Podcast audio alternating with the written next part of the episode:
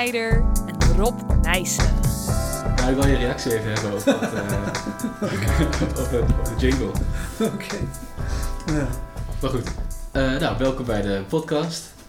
Wie wij zijn uh, zet ik ook wel in een link in de biografie, dus dan hoeven we het nu niet allemaal onszelf Oké, te introduceren. prima. Maar uh, Rob Nijs is dus een ervaren constructeur, hele coole projecten gedaan. En ik zelf ben uh, nou, nog geen ervaren constructeur, maar wel een nieuwsgierig uh, constructeur-ontwerper. En het is een mooie kans dus om te luisteren naar wat Rob allemaal heeft gedaan in zijn carrière. Um, het, het, leek me interessant om te beginnen met uh, een van de vetste projecten. Met misschien ook wel de allervetste architect die we hebben gehad in Nederland. En constructies ook, hè? Ja, ja en hele vette constructies erin. Namelijk het Educatorium in Utrecht met OMA, ja. met Rem Koolhaas. Ja. Wat ook je eerste project met OMA was, begreep ik? Uh, ja, dat klopt. Dat is mijn eerste project. Uh, ik was ook heel opgewonden dat ik zo'n wereldberoemd architect uh, aan, aan het project had werken. En dat was mij ook een eer en ik was ook heel blij dat mijn werkgever ABT toen, dat hij daar mij voor vroeg om daar projectleider te worden. Want het, het, was toen al een wereldberoemd architect, ja. Koolhaas. Ja. Dus hij had al een aantal spraakmakende gebouwen gemaakt. Nou, eigenlijk had hij nog veel meer spraakmakers gepubliceerd. Hè? Want Ja, ja, ja. Colas uh, in het bureau OMA is pas echt daarna eigenlijk zijn de grote werken gekomen. Hè? Dat is echt de eerste fase nog. Hè, dat is een moeilijke fase waar iedere architect doorheen moet. Ja. Mooie prijsvragen winnen met een mooi model of uh, een boek schrijven met uh, mooie uitspraken en mooie statements erin. Dat, dat kunnen een heleboel, maar echt bouwen, dat is een, een andere wereld. En dat is het ook echt, hè? het is totaal anders. En om die overschakeling te maken ben ik blij dat ik toen met het educatorium, dat met OMA en met Remcola's in het bijzonder, heb kunnen meemaken. Want het begint met een idee, de opdrachtgever wil wat. In dit geval uh, tentamenzalen voor alle studenten van de Universiteit Delft en een groot uh, restaurant, de grote mensen eigenlijk. Ja. En twee hele grote collegezalen waar alle eerstejaars, uh, 500 eerstejaars rechten in die tijd uh, nog heel populair uh, konden zitten. En dat was eigenlijk de eis, of tenminste het programma van eisen wat neergelegd was door Koolhaas en zijn mensen. Die ik vooral moet noemen, want een architect doet niet alles in zijn eentje. Hè. Een architect geeft leiding, maar die gaat niet alles bepalen hoe het eruit ziet. Hè. Ja, precies. Maar dit, dit, eigenlijk is dit, was dit voor hem dan ook misschien een van zijn eerste projecten waar hij fysiek bewijs kan leveren van. Uh... Ja, hij was met een heleboel dingen tegelijk over de hele wereld bezig. Ze waren ook bezig met de bibliotheek in Parijs en uh, noem maar op. Uh, oh, ja. Het begon echt volop te lopen. Maar dit was in Nederland zijn eerste grote werk van allure eigenlijk, waar hij ook echt zijn ei in kwijt kon. Alhoewel Nederlandse budgetten daar nog wel behoorlijk Ja. in de weg stonden. Maar daar komen we later zeker nog op terug. Oké, okay, dus uh, ik begreep dat, dat eigenlijk uh, de wens vanuit uh, OMA was om een andere constructeur bij het project te hebben, Ja. namelijk AREP en niet Ja. ABT. Ja, dat klopt. Daar, dus daar had hij al ervaring mee met het andere bureau. Ja, want hij zit heel vaak in Londen. Op een of andere manier woont hij er ook, geloof ik, ten dele. Nu niet meer, geloof ik. studie maar daar gedaan, toch? In ieder geval zijn studie, ja, de AH, de Architectural Association. En ja, daar heeft hij Arab mee leren kennen. En Arab is ook een heel goed en heel uh, deskundig en ook heel innovatief uh, ingenieursbureau. Dus dat klikte ook al met hun. Dus ik begrijp die gedachte heel goed. Maar was toch blij dat de opdrachtgever zei, we willen wat Nederlandse nuchterheid hebben. Ja. En uh, dat ze ABT voor de constructies en ook, ik geloof ook het bouw, bouwmanagement gedaan hebben en de bouwkostenbepaling. Natuurlijk belangrijke Nederlandse taken, het budget in de gaten houden. En Ja, zorgen dat het ook echt gebouwd wordt en niet uh, twintig jaar later, uh, zoals bij beroemde projecten nog wel eens willen gebeuren. Ja, maar dan kom je eigenlijk al met 1-0 achter, achterstand kom je binnen daar bij, uh, bij OMA, toch? Als je je eigenlijk Ja, misschien ja, niet wilde. klopt. Dat klopt. Uh, nou, zal ik het volgende over vertellen. Toen bekend werd dat ABT dus projectleider werd, toen vroegen de mensen van de OMA vroegen aan de directie van ABT: wil je onze projectleider naar ons sturen? Want we willen met hem overleggen. En dus ze wilden niet met de directeuren praten, Okay. hè, maar ze wilden met de projectleider praten. Want normaal zou een van de directieleden van de. Ja. Oké. Okay. Ja, ja. En uh, dat zeiden ze, omdat ze vooral dachten van die kunnen we nog eh, beïnvloeden. Hè? Dan kunnen we zeggen van eh, dat is geen niveau, eh, daar willen we niet mee praten. Ja. Hè? En, eh, want zo dachten ze over ABT, hè? dat moeten we eerlijk zeggen. Dat het geen niveau was. Ja, nou ja, geen niveau wat hun voor ogen stond, laat ik het zo zeggen. Oké. En van Nederland zijn we een van de beste bureaus. Hè? We hebben het Feyenoordstadion gedaan, Tiof IJshal, uh, Burgersbush, uh, de Tropische Hal. Hè? Dus we hebben echt wel wat bijzondere projecten om ons naam. Ja. En dan vergeet ik een heleboel projecten door academische ziekenhuizen, noem maar op. Het is niet zo dat ABT minder waardig is dan van Arab. Maar het is wel een stukje minder en niet internationaal natuurlijk. Ja, oké. Okay. Dus uh, ze vroegen, nou toen een van die directeuren die verantwoordelijkheid ervoor was, Arie Krijgsman, ook professor in Delft geweest. Ja. Die zei Rob, het is een klusje voor jou. Want ik had een aantal projecten met Arie gedaan, waaronder Robeco in uh, Rotterdam, de Robeco gebouw op de Hoek Koolsingelblaak. Ja. Met architect Quist, ook een, een mooi project. Uh, waar we misschien later nog een keer op terug zullen komen. Ja, ja, ja. En uh, dus ik er naartoe naar OMA. En dan zat ik daar aan tafel met uh, drie mannen, wachten me op.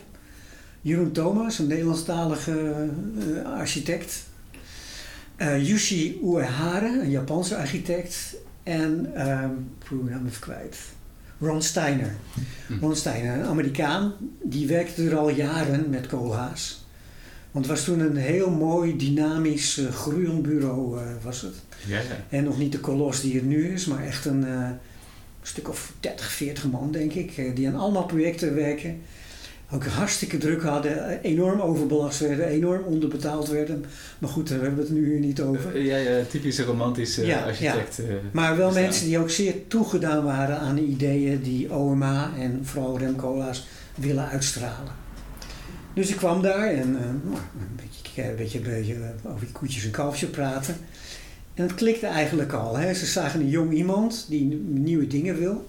Moet ik nog ook zeggen dat ik al een project gedaan had in glas. Voor Sonsbeek, een uh, glazen tunnel van Benton en Krauwel. En dat had al veel belangstelling getrokken in de Nederlandse architectenwereld. Dus ik kon nog snel kon ik praten over uh, objecten. Oké, okay. ze kenden je misschien al? Dus te kennen, dat kan ik niet 100% zeggen, maar ik denk het wel. Mm. Ik was al een beetje bekend, om het maar zo te zeggen, in die kleine wereld. Ja. Dus uh, we gingen praten en ik had al nagedacht en ze hadden ook al tekeningen gestuurd uh, van wat ze voor ogen stonden. En het was eigenlijk was een heel simpel idee. Ze namen een lange strook papier en die vouw, vouwden zo omhoog. Ja, je kunt niet zien op de radio, maar een soort uh, omgekeerde zee. Hè, die laag begon, omhoog ging, omboog en weer terugboog. En dan zei ze de ruimte onder die uh, omgebogen, opgetilde zee. Dat is het restaurant.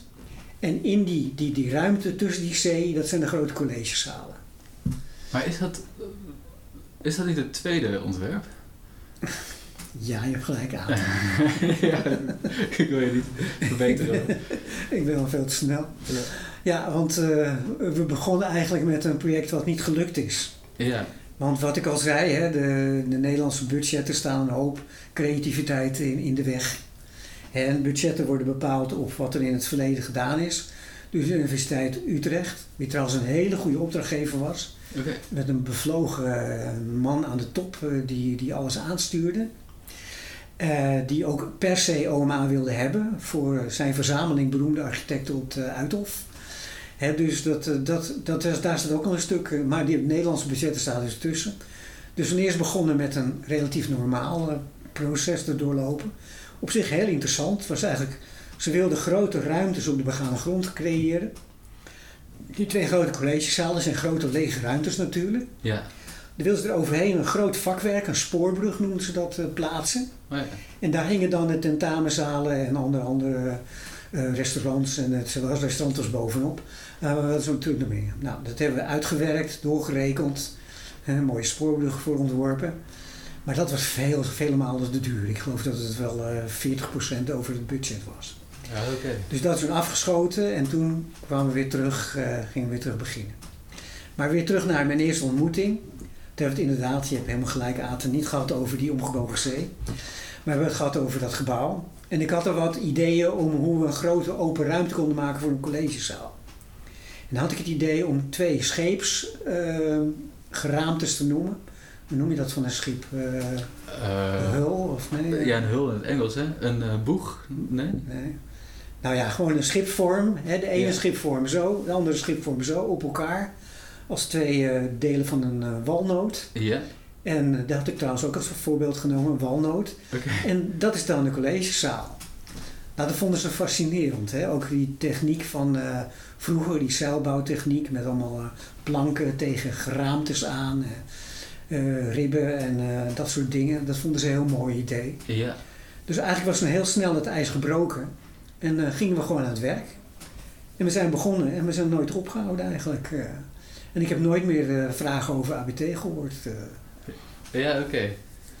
En wa- wat, wat ik interessant vind is dat, ehm, dat ze eerst met een ontwerp komen wat redelijk ver uitgewerkt wordt en dat het dan duidelijk wordt op het moment dat de kosten mensen eraan gaan rekenen dat het Ja. überhaupt helemaal niet kan. Ja, ja. Maar dat, dat het blijkbaar eh, in, een, in de hoofden van de architecten en bij jou dus blijkbaar ook niet, eh, dat zo die realiteitszin als het ware er toen nog niet, nog niet echt in zat of zo. Dat je zo bevlogen was met het ontwerp misschien. ja. Hoe, hoe gaat dat zeg maar als je een onrealistisch ontwerp eigenlijk aan het uitrekenen bent? Ja, ja, ja. We praten hier over begin jaren 90, hè? eind jaren 80, begin jaren 90. Ja, Dat was een redelijk optimistische tijd, dat de economie weer een beetje aan ging, ging trekken. oké. En ehm, ja, architecten moeten een beetje smeerlappen zijn. Hè? In de zin van, je hebt een, een bevlogen opdrachtgever, dat was in dit geval, en die wilde iets bijzonders. Ja, Dan krijg je daar de Nederlandse budget erbij, dat botst natuurlijk. En toen hadden in die tijd zeker, maar ik denk dat het nu nog zo is hoor. Architecten die denken, nou, ik teken iets heel moois uit. Bij prijsvragen zie je dat ook, hè. Steek iets heel mooi uit. De opdrachtgever wordt verliefd ja. en vergeet de bouwkosten eigenlijk. Ja, oké. En de universiteit is een overheidsinstelling natuurlijk, dus daar wordt extra op het geld gelet. Heel verstandig overigens hoor. Ja, ja. Dat ze worden niet verliefd op een ontwerp en willen het koetkoekoet hebben als hoofdkwartier voor hun, hun maatschappij. Maar dan, en daar zet een architect ook op in. En daar heeft OMA zeker in, in deze situatie op ingezet. En we gaan iets heel moois maken, iets heel spectaculairs. De architect wordt er, of de opdrachtgever wordt er verliefd op. En oh ja, het kost 40% meer. Dat is dan, eh, ach, nou ja, goed. Gaan we weer eens praten weer met mijn financiële mensen. En als je dan echt de baas bent, dan druk je het er doorheen. En dat is een beetje de in- invalshoek. Ja, oké. Dus de architecten die rekenen er eigenlijk op dat, eh, dat hun ontwerp zo in de smaak valt dat die 40% kostenoverschrijding voor lief genomen wordt. Ja, ja. oké.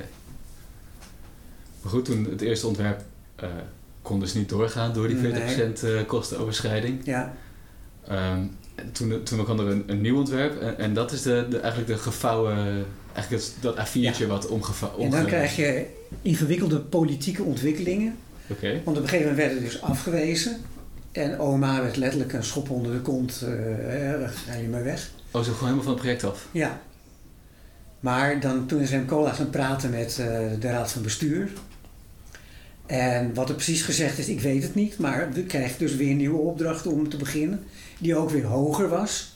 En waarschijnlijk, Rem Koolhaas kan heel goed praten. Dus eh, overtuigend praten. Dus die zal wel gezegd hebben, nou, jullie willen een parel of een diamant daar op de, op de Uithof. Dan moet je er ook geld voor over hebben. Dan kun je niet met Nederlandse budgetten voor een eh, standaard kantoorgebouw aankomen. Ja, ja. Hè, dus ik denk op die manier, ik weet het niet 100% zeker hoor, want ik zit niet bij die gesprekken, dat het wel gegaan is. Maar we kwamen, begonnen in ieder geval opnieuw. Waar ik al eerder in het gesprek met jou al begon. We begonnen weer met een redelijk hoger budget. Hè, en weer de uitdaging om iets moois te maken.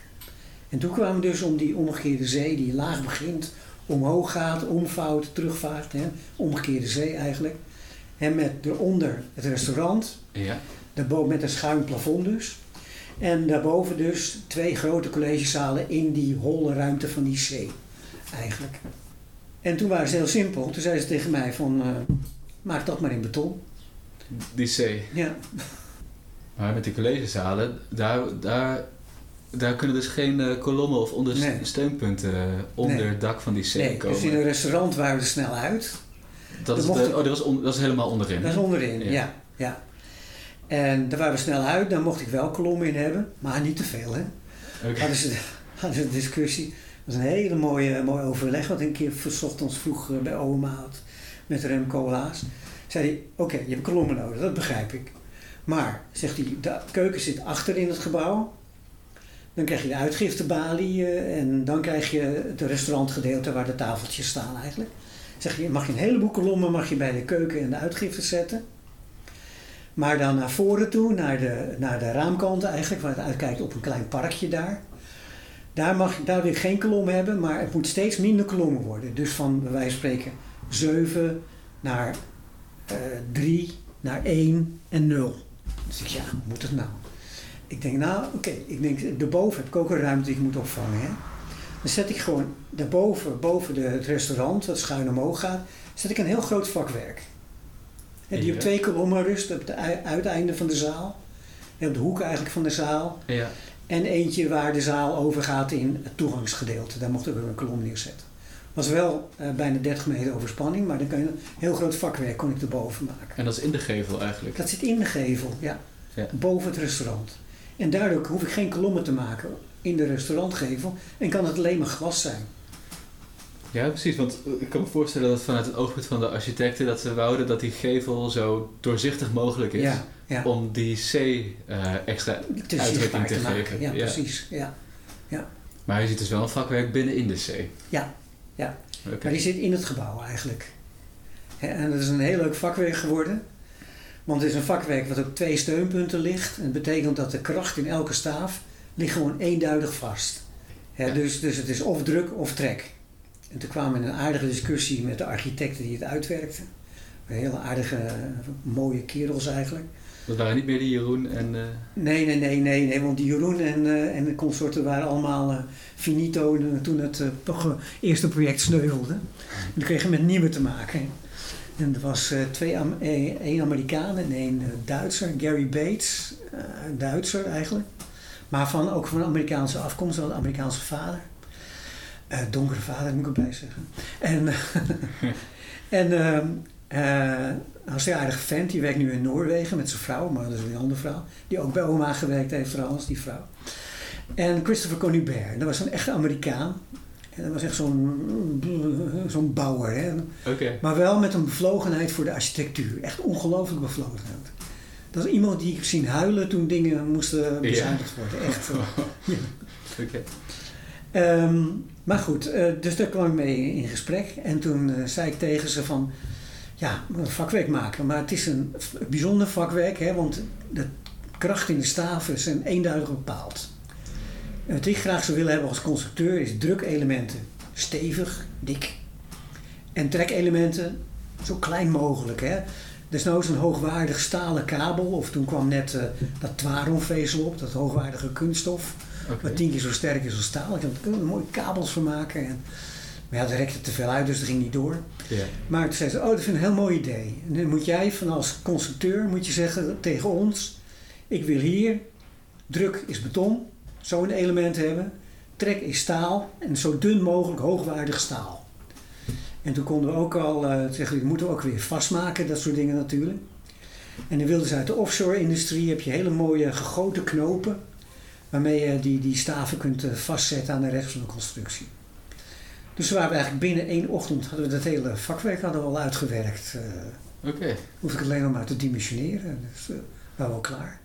Maar dat waren dus stalen kabels, gegoten... Nou, stalen staven zijn het geworden. Hoogwaardig ijzer, hoogwaardig staal, uh, stalen staven. En gegoten knopen Ja. en betonnen drukdiagonalen. Ja. Oké, ja, dat is wel een bijzonder vakwerk dan. Ja, ja. En, En het mooie vind ik als constructeur, je kunt zien, oh, daar zit een drukkracht in, daar zit een trekkracht in. Het is, het is echt, de constructie uh, legt zichzelf uit. Ja, want hij is ook zichtbaar achter het glas. Hij is uh, voorkomen in zicht, ja. Je loopt er langs, als je omhoog gaat zo, om de collegezaal heen en de bovenkant erin. Dan loop je er gewoon omheen.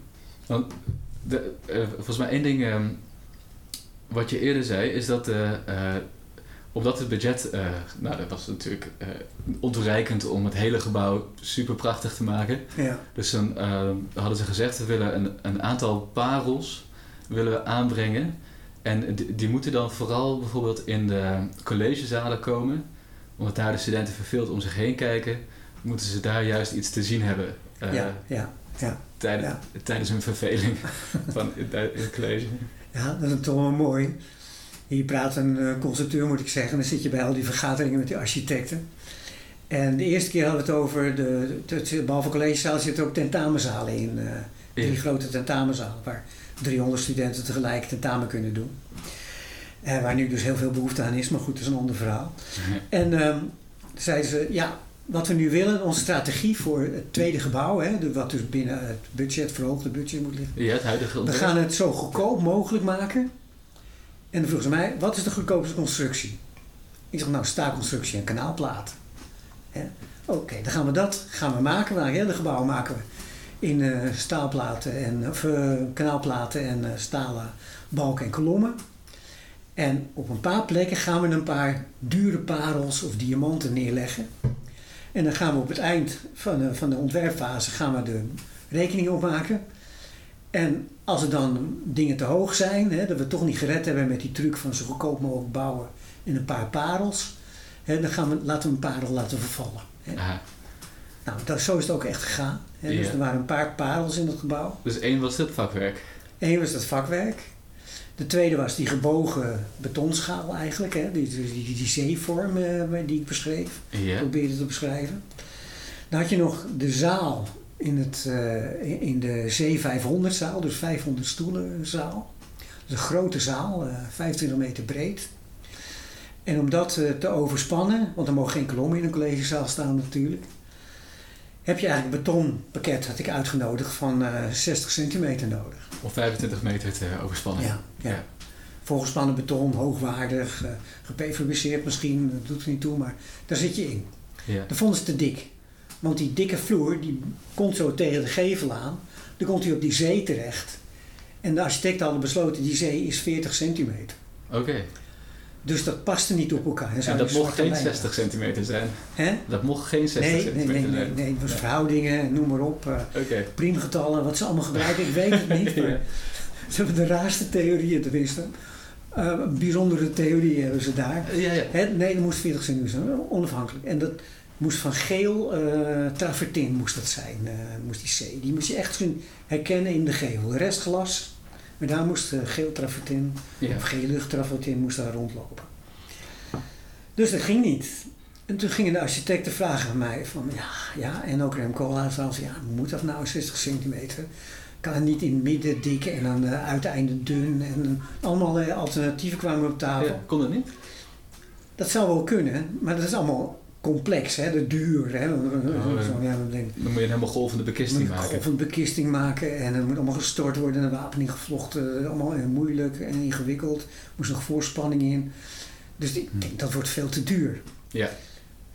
Toen hadden we het erover van, ja, leg nou eens uit waarom heb je 60 centimeter nodig. Hè? Ik zeg, nou, in je hebt 20 meter overspanning, ligt vol met sneeuw, ze wilden nog een groen dak ook, dus nog eens eh, 60 kilo per vierkante meter extra eh, die, ze, die ze voorstelden. En dan komt sneeuw en dan komt de onderhoudsploeg eh, komt er op het dak, dus uh, allemaal belasting. Zonnepanelen. Dus, ja, dus die, die vloer gaat doorbuigen. Een mond staat er in een vloer die door gaat buigen. En twee liggers, twee steunpunten op ligt. Bovenkant wordt in elkaar gedrukt en de onderkant wordt, wordt uit elkaar getrokken. Daarvoor moeten we de wapening in stoppen. En ja, daarom heb ik die hefboomsarm, zoals we het noemen, heb ik nodig. hè, De hoogte van die vloer nodig. Om die krachten op te nemen met druk en trek. Ja. Nou, ja, ja, interessant. Maar toen zei er iemand, en ik zal niet zeggen wie, die, die zei van, waarom maken wij eigenlijk gescheurd beton? Kunnen we gewoon het gescheurde beton niet weglaten? En de wapening gewoon uit het beton laten komen en als een net onder het beton hangen. Ja, omdat, je bedoelt, omdat het, het, het, het beton wat in de trekzone is toch geen bijdrage levert. Dat is gescheurd. Ja. Daarom moeten we wapening in stoppen. Dat is een heel heldere gedachte. Het verbaast me dat nooit iemand eraan gedacht heeft. Nou, ik weet wel een paar andere op toepassingen hoor. Maar het is nooit gemeen goed geworden eigenlijk. Ja. En ook na het educatorium kwam in 1996 klaar. Daarna heb ik nooit meer ergens anders dit zien gebouwd worden. En met de gedachte is eigenlijk heel logisch. Waarom zou je gescheurd beton maken? Laat dat maar weg. Het is alleen maar dood gewicht wat eraan hangt. Dus dan kon ik met een 20 centimeter dikke laag, moet je nog isolatie tekenen, ring en afschot, dus dan kom je weer in die 40 centimeter. Dus dan viel het mooi achter die 40 centimeter. Maar dan heb je dus een... een wa- Dan komt in het gebouw komt die wapeningstaven, een paar wapeningstaven van 5 centimeter dik, maar goed, dat is een ander verhaal. Hè, de, eh, komen dan in het zicht te hangen. En hangt er nog steeds. Oké. En de, dus het eigenlijk is een soort onderspannen ligger, maar dan met de wapening die direct geïntegreerd wordt in, Ja. de, in de wapening in de plaat. Ja, en er zit ook in een gewone 20 centimeter plaat zit ook een boelwapening hoor, daar moet ik er wel bij zeggen. Ja. Nou, dat was Maar- dus een parel. Maar je hebt, maar, ik had nog een paar vragen Ja, daarover. ja, want oké. de, de wapening normaal wordt ook beschermd door beton, toch? Dus daarom is waarom je het wapening toch eigenlijk in het beton gestort wil, Ja. ondanks dat het beton gescheurd is. Maar waar is dit ater? Waar komt die wapening naar buiten? Ja, het is een binnenklimaat. Ja, het is in de zaal gewoon. Dus dat roest, roest dat niet weg. Nee, nee, Oké. nee. Er is geen vrij water, is er, eh, dus het is gewoon droge lucht. eh, nou ja, droge lucht. Relatief vochtigheid eh, tot 70% maximaal. Hè, dus dat, dat is geen enkel probleem. Dus die beschermende werking van het beton is eigenlijk niet nodig voor wapening wat blootgesteld is aan alleen een binnenklimaat. Precies, ja. Ja. En het is zelfs zo erg dat de, architecten vonden het juist leuk dat het eh wapeningstaal eh, geroest zou zijn. Ja. Dus zeiden in het bestek heeft gestaan een artikel van de wapeningstaven moeten als een soort frame werd het in elkaar gelast. Moet ook makkelijk op te nemen in die eh, rechthoekige bekisting. ja, want De steekt natuurlijk door de bekisting Steekt de heen. bekisting heen. Ja. Hè? Eh, willen ze dat het minimaal een half jaar buiten lag om zo roestig mogelijk te zijn. ja, ja. Nou, dat was dus nog een parel. Dus we hebben een aantal parels, die, die zeevorm, eh de Vakwerk. grote vakwerk, eh, de, de wapening uit het beton. En Ja. dan nog de andere collegezaal, de C400, die achter de C500 ligt. ja. Voor 400 studenten. Voor 400 studenten, ja. En daar was het idee om, dat was een ander idee wat oma al eerder had gehad voor het Danstheater in Den Haag. Om gewoon gevouwen staalplaten, wat ook een goedkoop dakmateriaal is. hè, Echt, het kost niks, het weegt ook haast niks. Ja.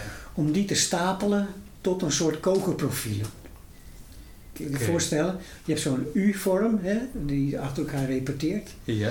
En als je die bovenop elkaar legt, dan krijg je een soort eh, gestapelde U's, twee U's bovenop elkaar. Oh, omgekeerd. Dat is een koker, ja, ja. keer erboven. Nou, dan drie lagen van dat eh, materiaal eroverheen. En dan daar gewoon aarde overheen en daar het groene dak op. Nog wat dakbedekking tussen en isolatie, maar goed, dat is... eh, dat... Maar wat is daar... Ik zie dat visueel niet echt als een parel. In doorsnede ziet het er interessant uit. ja, Maar als je van onder... nou, als- van onder als- zie je zo getrapt, zo het dak zo... zo eh, Ja, dat is ook oké. voor de akoestiek zou dat mooi zijn en eh, voor het zicht. Je kon die TL-buizen kun je dan in, in die, die, die U-vormige eh openen, trog kun, je, kun je dan maken en ook sprinkler en zo. Dus dat vond de architect wel interessant. Het is niet visueel zo eh, aantrekkelijk, Hm. maar het is wel een, een redelijk dure oplossing. Want je moet allemaal dingen op elkaar stapelen en elkaar lassen Ja. en noem maar op. Dus dat waren de parels eigenlijk.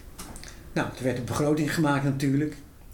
En toen, eh nou, toen werden we onderhandelingen met de aannemer natuurlijk, de laagste prijs. En eh kwamen nog niet bij elkaar.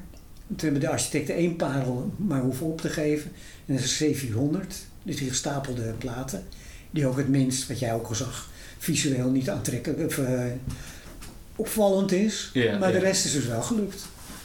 Eh, maar wat, grappig is, dat eigenlijk alle parels die ze, die ze hebben geïntroduceerd in, in het ontwerp, ze hebben heel erg een constructief karakter Ja. eigenlijk. Ja, Maar behalve misschien die C. ja dat is zuiver esthetisch, ja. Ja. Maar hadden ze zo'n sterke, ja. hadden ze zo'n sterke obsessie met constructies op dat moment? Want ik dacht dat OMA toch meer, ehm, ik weet niet, ze schrijven niet over constructies en dat soort dingen. Ze schrijven meer over routing en ansenering van ruimtes en zo. Maar in dit gebouw lijkt het alsof ze eigenlijk veel meer eh, gefocust zijn op constructieve slimmigheid. Ja, nou, Of was het, jou, was dat jouw eh, inbreng misschien? dat zal ik natuurlijk nooit zeggen. maar ik denk dat, nee, het is gewoon, je praat met elkaar. En ik Hm. denk dat dat het belangrijkste is. Hè? De meeste constructeurs, die, die zitten met hun handen over elkaar gevouwen te wachten tot de architect klaar is. En dan rekenen ze dat uit. Ja, precies. Ja. Dan zeggen ze drie keer van, is het, weet je het zeker, weet je het zeker? Ja, en tussendoor zeggen ze dat is te duur of dat kan niet of eh, dat is niet technisch inhaalbaar. Hè, terwijl ik eigenlijk een andere instelling heb. Ik denk, nou kom maar met een idee en dan gaan we sparren. En dan begin ik al actief te sturen en van nou, dit zou kunnen, dat zou kunnen. Wat ik ook voor mezelf een strategie had. eh, Als een architect dan komt met een ontwerp voor een zaal bijvoorbeeld of voor een stadion. Dan geef ik niet één constructie aan, reken ik uit, of ontwerp ik uit en dan bereken ik, dimensioneer ik. Maar ik zorg altijd dat ik er minimaal drie heb. Ja, En er zit wel één voorkeur in die ik een beetje beter uitwerk en noem maar op hoor, dat zal ik eh, niet ontkennen. ja. Maar dan zeg je gewoon, nou, dit zijn de mogelijkheden en kiezen jullie maar. En ik vind ook, zo moet een constructeur ook werken met een architect. Je moet er niet dingen blokkeren. En dus dit is de richting die we altijd doen opsturen. Nee, nieuwe dingen. En wat ik ook met glasconstructies doe. Zeg, dan kunnen we dat we glas maken. Dan zeg ik, nou dat kan wel, maar dan moeten we dit en dat doen. Ja, en dan moeten we testen in het laboratorium. Voordat we het echt gaan bouwen, dat we zeker weten dat het werkt. En want zo probeer ik een architect eigenlijk eh, in een bepaalde richting te krijgen. Ja, ja. En ik kan me voorstellen als ze zo'n directeur hadden gekregen van ABT in plaats van een projectleider, dat een directeur misschien eerder kijkt van, eh, oh dat kost allemaal wat te veel rekenwerk en daar is het budget niet naar. Nou, daar hoef je geen directeur van ABT eh, in te schakelen. Dat is heel bouwen Nederland. Nee, ja, ja, ja, Ja. ja, precies. En dat is ook een van de slechte ervaringen van de OMA die ze met andere projecten hadden. Dat ze merkten gewoon, ze, ja, ze, ze, ze kwamen niet in dialoog, hè, in, in tweegesprek. Hm. En, de andere kant liet ook niet blijken dat ze open stonden en bereid waren om risico's te nemen. Of het nou een technisch risico is, of iets al eerder gebouwd was. Of dat het eh kostentechnisch misschien problematisch zou kunnen zijn. Want veel eh, constructeurs willen, net als alle ambtenaren, eh, graag goed slapen s'nachts. En niet zitten te denken van, oh god, heb ik dit vergeten, heb ik dat vergeten. Hoe is het met de brandweerendheid, hoe is het met... als er een of andere idioot een kolom wegrijdt, eh, dat het gebouw niet instort en zo. eh, dat soort eh, lastige vragen. Ja, Ja, oké, dus dit, was het eerste project van, van jou en van ABT met OMA. Ja. En daarna zijn ze toch teruggekomen, geloof ik. Hè? Daarna hebben jullie vaker projecten gedaan. Ja, ja. Dus ik denk groot, misschien het gros van hun projecten in Nederland. En eventueel daarbuiten, dat weet ik eigenlijk niet. Nou, de buiten zeker niet, want eh, ik denk dat het grotendeel van hun werk is in het buitenland. Hm. En dat doen ze allemaal met Arab, omdat hij in, eh, over de hele landen van de wereld, van Japan tot Amerika, vestigingen heeft. En dat kan ABT natuurlijk nooit doen. Ja, Maar ik heb wel een aantal eh, glasgerichte projecten gedaan met OMA in het buitenland. oké. En dat heeft meer weer te maken met mijn fascinatie voor bouwmateriaal glas. Hè. Dat, eh, Ja, ja, en daar heb ik, hebben we in veel werken. En inderdaad, een heleboel projecten binnen Nederland heeft ABT met OMA gedaan. ja.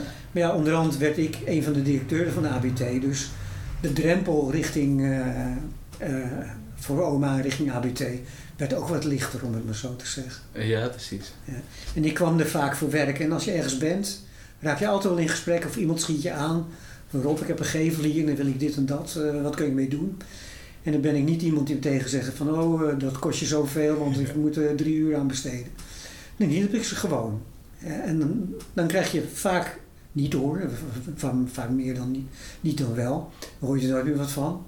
Of je zag op een gegeven moment dat het gebouwd was. Hè. Eh, maar af en toe werden we er gewoon bij betrokken en dan hadden we weer nieuw werk eruit. En is het ook door een soort persoonlijke klik of was het elke keer met andere mensen eh, in het bureau? Nee, je hebt wel een aantal mensen waarmee je gewerkt hebt, waar je dan, die dan weer met jou samen willen werken. Zo werkt het wel. En andere mensen met wie je niet hebt gewerkt, die, die bellen misschien eerder een andere constructeur met wie Ja, ze maar vaak heb je ook dat binnen, binnen, binnen OMA wordt ook vaak met elkaar gepraat natuurlijk. En dan komt een werk ter sprake en dan willen ze een grote glazen gevel maken. Zo, oh, dan moet je met Rob Nijs gaan praten, want die heeft nog wat ideeën erover. Oh, ja. Dus je wordt wel aanbevolen hoor. En dan komt een wildvreemde van OMA, belt je dan weer op. Eh, dat komt wel voor. Ah, oké. Ja. Oh ja, dit- waren ook nog vragen. Want je hebt natuurlijk, eh, toch weer terugkomen tot dat project, hè, het educatorium. Je hebt dan al die parels eh, die alleen mogelijk werden omdat een aantal andere gebieden eigenlijk helemaal, ja, gewoon zo, zo op, met zo karig mogelijk budget eigenlijk gerealiseerd Ja, worden.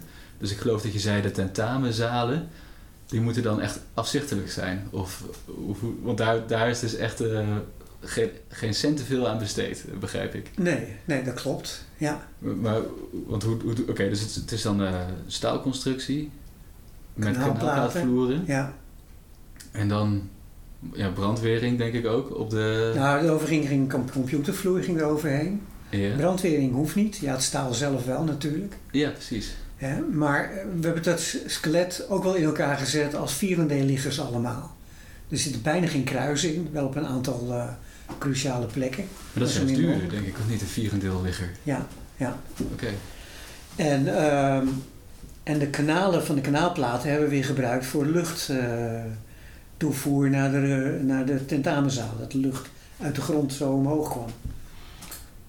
Ah, oké. Dus de, de, de, Ja. de ventilatie ging via de kanalen in de kanaalplaatvloeren. En dat ziet er wel heel somber uit.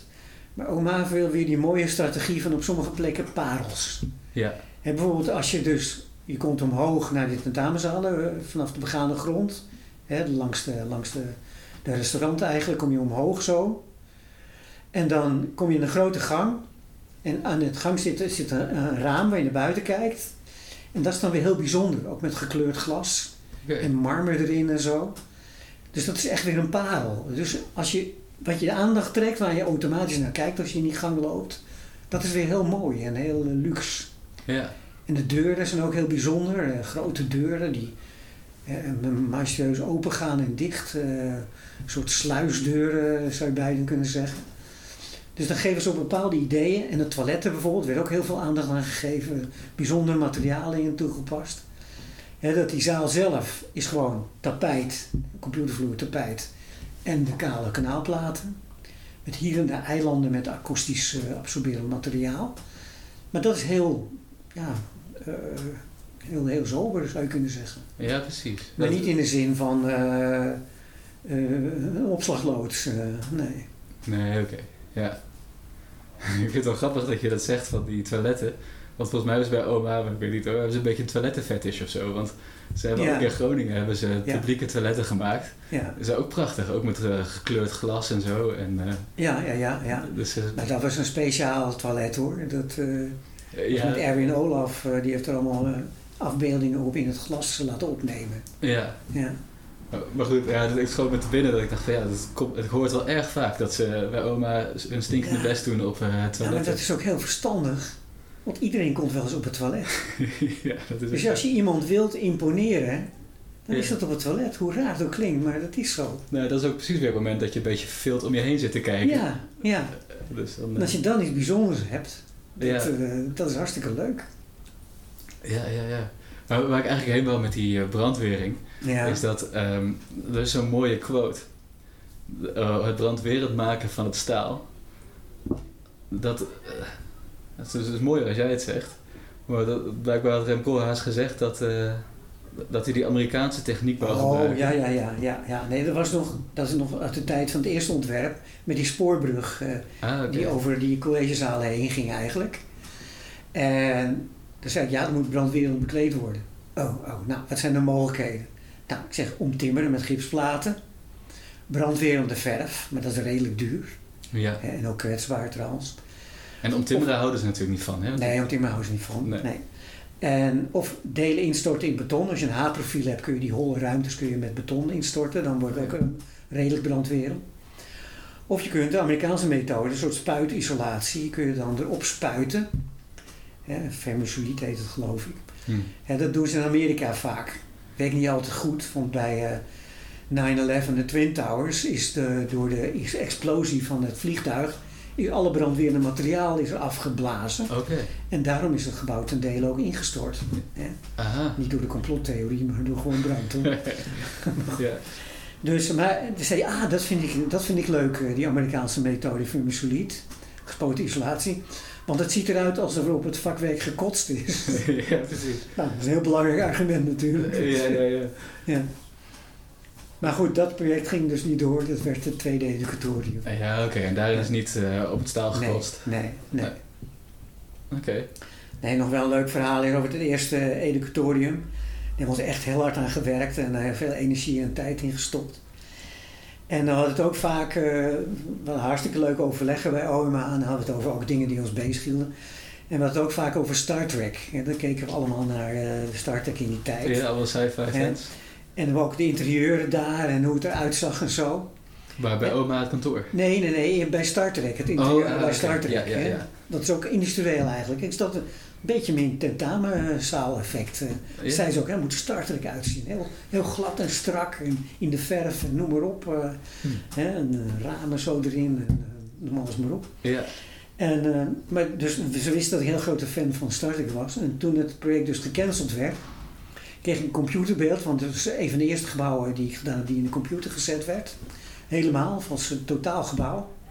En dan zag je net als Star Trek het uh, schip in, het, in de, in de, boven de lichtsnelheid gaat, dat hij zo dus wegschoot uh, in de ruimte. Uh, ja, ja, precies. Dat die sterretjes strepen worden. Ja, ja. ja, precies. Dat plaatje heb ik nog steeds.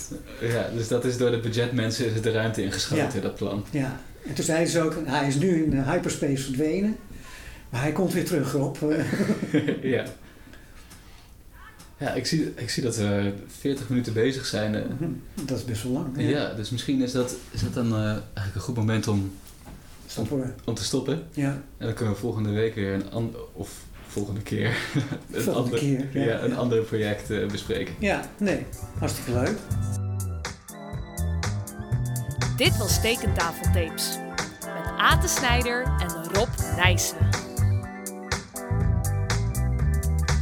Muziek door Project Alpha en Roze Marijnen.